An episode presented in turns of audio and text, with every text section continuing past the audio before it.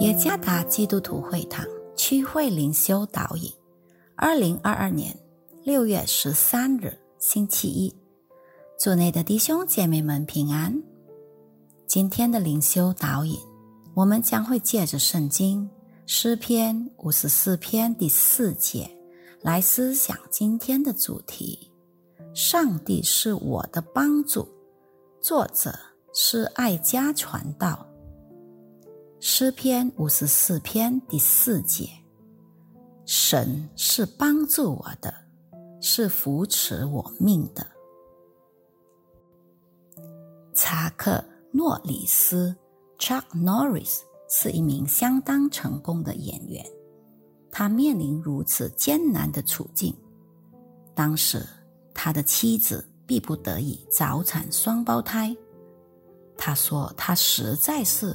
软弱无助，就在他无助中，他及时说：“我一生积累了数百万美元，但我目前银行账户中所有的资金都无济于事。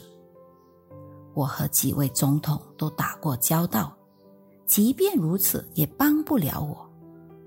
我们也常常这样想，我们认为财富、金钱。”地位和声望被用来维持生活是理所当然的，这一切仿佛随时都能派上用场。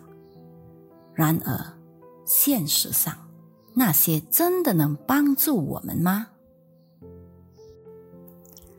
大卫是以色列伟大的国王，即便如此，他的生活也曾经处于困难。和不悦纳的境况，其中之一就是大卫被扫罗追赶，并被扫罗威胁要杀害他。诗篇五十四篇一节，让我们回顾那起事件。诗篇五十四篇被认为是大卫陷入困境时的祷告，他意识到唯有上帝才能保护和帮助他。第四节。上帝是唯一能让他远离怀有邪恶意图人的帮助。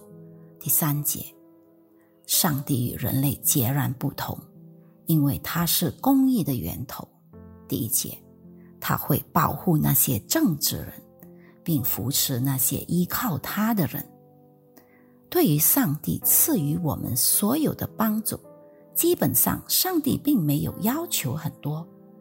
上帝只要求我们永远依靠他，感谢他所做的一切工作。我们经常依靠专业知识、财富、声望和我们所拥有的一切，但最终当紧急情况袭击我们时，这些东西并不能解脱我们的困境。正如查克·诺里斯所说。以及大卫一样，当处在逆境的挣扎中时，我们能依靠的只有一个个体，那就是能成为真实帮助的上帝。这正如诗人所说的：“当我们处在患难中时，上帝是真实的帮助者。